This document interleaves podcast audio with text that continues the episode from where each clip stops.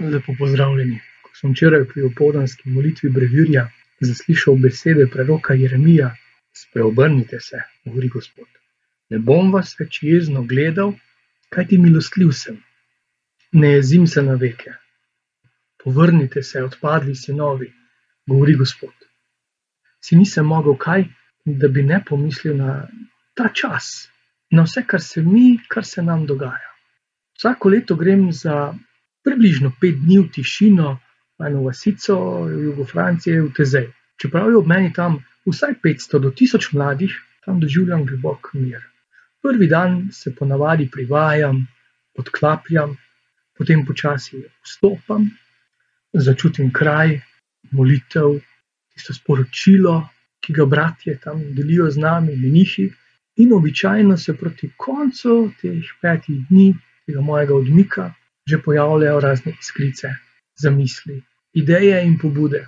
Ne morem verjeti, koliko stvari, ki jih sedaj živim ali jih na župnijah ustvarjamo, je nastalo prav tam. Zakaj govorim o tem? Ker zelo podobno doživljam te dni. Prve dni sem se privajal, odklapljal, potem sem stopil v mir, v red, tišino, zdaj pa se že pojavljajo ideje. Tisoč in ena, ki jo bom slehrno tisto, ki jo bom zapisal, predebatiral potem z mojimi sodelavci. Gotovo mi ni vseeno za tiste, ki v tej situaciji trpijo, ki bolehajo, še posebej za tiste, ki so v strahu, ki so morda celo izgubili koga od svojih. Nasprotno, to me prav jezi, da moram sam biti tu na varnem, ko sem na nek način poklical tja ven. Bojim se, da sem se preveč navadil na to, da sem kot župnik neke vrste infekcijski zdravnik. Vsekakor ni na terenu, tudi ni dobro imeti opravka z njim, in še težko prideš do njega. Nočem žaliti sobratov župnikov ali škofov, ko se zavedam, koliko truda, časa, volje in vere so vložili za bližino svojim vernim. Ja, svojim vernim. To, da Gospod ni prišel klicati zdravih, ampak bolne. To stanje me vabi in iz mene zopet dela tistega, ki ne mara samo čakati ob oltarju in veručni učilnici. Ne podcenjujem bolezni, kako ne sedaj korone, tako tudi prej ne splošnega pokrščančevstva. Ampak prav tako ne morem imeti dvojnih meril ob Jezusu in njegovi cerkvi. A ni on tisti, ki je ozdravil slepe, gobave, hodil po vodi, umiril vihar? Narava mu je prisluhnila. Mnogi so mu sledili, nekateri celo predali svoje življenje. In tudi danes je tako. Ob njem v Boga bolezen zboli, ne gre drugače. On jo vzame v svoj grob ki je že zdavnaj livada vstajenja.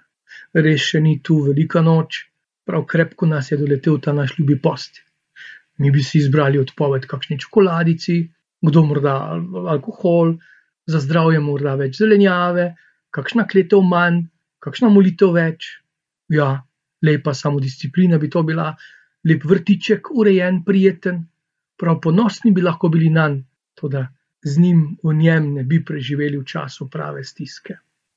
Post pa, ki ga sedaj živimo, v pomankanju, izolaciji, v empatiji, v iskreni molitvi, nas dela veliko bolj žive, kot si mislimo. Kakorkoli že, na nek način smo lahko celo hvaležni za stisko sedanjega časa, ker se v njej že sluti, če ne že svita velikonočno jutro. Vam res privoščim iz srca molitve v družini in za sebe, premišljanja, prebiranja dobrih, res dobrih knjig pa ne se predati malodušnju in tarnanju, ker morda ne bo veliko nočne procesije. Mogoče je še bolj pristno, tako bolj pristno podoživljanje ostalega, končno tudi tistega davnega leta ob stajenju, on ni poromal po ulicah in seboj prenašal pirhe in zajčke in pisanko. Za konec pa vstopimo v današnjo božjo besedo proroka Ozeja. A se prebuja hrepenenje, morda celo koprnenje, po miru, po zdravju, po življenju, po Bogu. Potem odgovorimo na njegovo pobudo, saj pravi: Pridite, vrnimo se k Gospodu. On je raztrgal, pa nas tudi ozdravi, zadal nam je rano, pa nas tudi obveže, oživi, vzdigne. Zagotovo in zanesljivo bo prišel Gospod, kakor jutranja zarja, kakor spomladanski dež, ki zemljo ovlaži. Blagoslova in vse dobro.